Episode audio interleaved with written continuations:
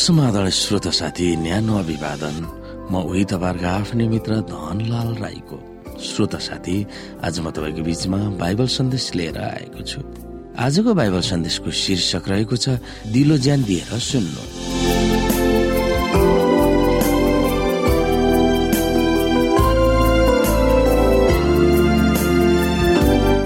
श्रोत साथी व्यवस्थाको पुस्तक मोसाको विदाई सन्देश लिखित रूपमा प्रस्तुत गरिएको छ। चालिस वर्षसम्म मरूभूमिमा यात्रा गर्ने इजरायलीहरूको दोस्रो पुस्तालाई यो सन्देश दिएको थियो। एरियोको पूर्वपति रहेको मुआब क्षेत्रमा दिएको सन्देशहरू व्यवस्थाको पुस्तकमा लेखिएको छ।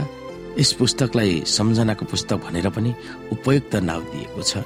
परमेश्वरले आफ्नो पक्षबाट विश्वास साथ इजरायलीहरूसँग कसरी कारोबार गर्नुभएको थियो भने मोसाले यस पुस्तकमा समीक्षा पनि गर्दछन्। सिनै पहाड़देखि प्रतिज्ञा गरिएको देशको सिमाना कादेश बार्नियासम्मको यात्रा इजरायलीहरूको विद्रोह र चालिस वर्षसम्मको उजाड स्तरमा भौतारिनु परेको वर्णन उनले गर्दछन्। उनले दश आज्ञाहरूलाई फेरि दोहोऱ्याउँछन् दशांश र मुख्य भण्डारको आवश्यकताको बारेमा उल्लेख गर्दछन्। तर व्यवस्थाको पुस्तकको मूल शिक्षा चाहिँ परमेश्वरका आज्ञाहरू पालन गर र उहाँले दिनुहुने आशिषहरूको उपभोग गर हो। आफ्ना जनहरूको हेरचाह गर्न तिनीहरूको सर्वोच्च हित गर्न परमेश्वर सक्षम हुनुहुन्छ भनेर मोसाले उहाँको चित्रण गर्दछन्। व्यवस्था अठाइस अध्यायको एकदेखि चौधलाई हामी हेर्न सक्छौँ। इजरायलीहरूलाई के आशिषहरूको प्रतिज्ञा दिएको छ? तर तिनीहरूलाई पाउन र तिनीहरूको उपभोग गर्न तिनीहरूको तर्फबाट के हुनु पर्दथ्यो आउनुहोस् हामी हेर्न सक्छौ।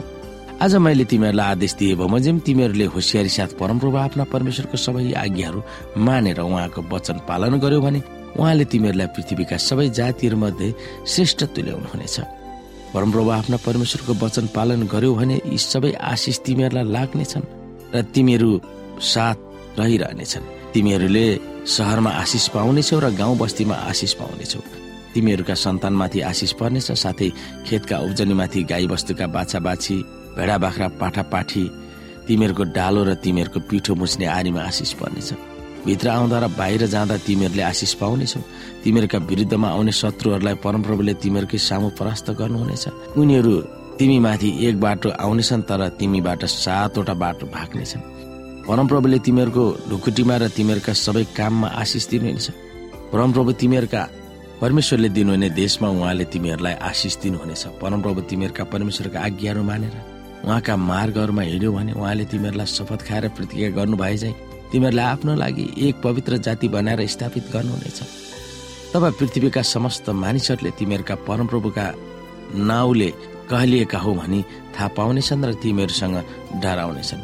तिमीहरूलाई दिन्छु भने तिमीहरूका पुर्खाहरूलाई प्रतिज्ञा गर्नुभएको देशमा तिमीहरूका सन्तान गाई बस्तु र भूमिको उब्जनीमाथि परमप्रभुले प्रशस्त आशिष उन्नति दिनुहुनेछ। परमप्रभुले आकाश आफ्नो प्रशस्ताको भण्डार घारेर तिमीहरूको भूमिमा ठिक ऋतुमा झरी पठाउनुहुनेछ र तिमीहरूका हातमा सबै मेहनतका आशिष दिनुहुनेछ।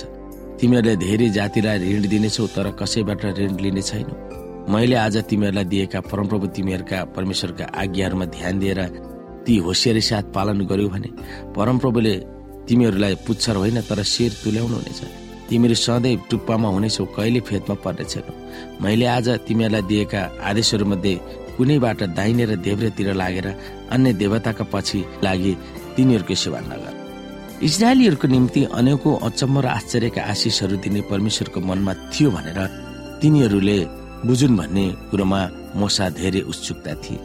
उनका बोलीहरूमा यदि तिमीहरूले दिलो ज्यानका साथ उहाँको कुरा सुन्यौ भने भनेर उल्लेख गर्दै तिनीहरूको अनन्त जीवनको सवाल बारेमा तिनीहरूलाई सम्झाएका थिए। यहाँ यथार्थमा आत्मनिर्णयको स्वतन्त्रताको बारेमा प्रभावकारी रूपमा प्रस्तुत गरिएको छ। तिनीहरू परमेश्वरले चुन्नु भएको राष्ट्र महान आशिष र प्रतिज्ञाहरूको उपभोग गर्न पाउने तर ती आशिष र प्रतिज्ञाहरू तिनीहरूले बिना शर्त पाउने थिएन। ती आशिष र प्रतिज्ञाहरूलाई तिनीहरूले स्वीकार गर्नु पर्थ्यो पाउनु पर्दथ्यो र त्यसै अनुसार चल्नु पर्दथ्यो र उहाँले तिनीहरूलाई कुनै धेरै गाह्रो कुराको अपेक्षा गर्नुभएको थिएन। आशिष पाउन आफ्नो शिरलाई अनेकौं कष्ट दिनुपर्छ भनेर परमेश्वरले माग गर्नुभएको थिएन। मोसाले यस कुरालाई यसरी पुष्टि गर्दछन् आज मैले तिमीहरूलाई दिएको आज्ञा तिमीहरूका निम्ति साह्रै गाह्रो वा टाढो छैन।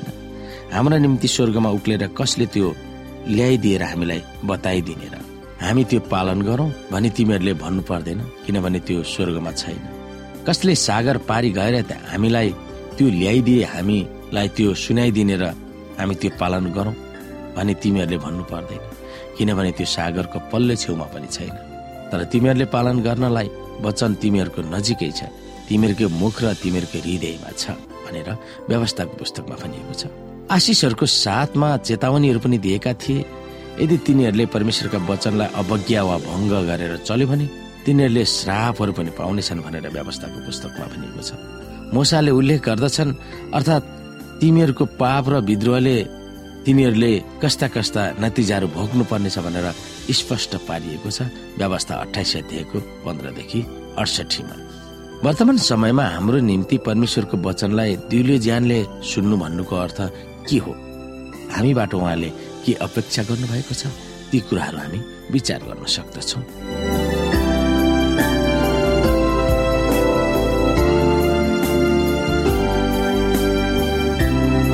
श्रोत साथी आजको लागि बाइबल सन्देश यति नै। हस्त नमस्ते। जय मसिंह।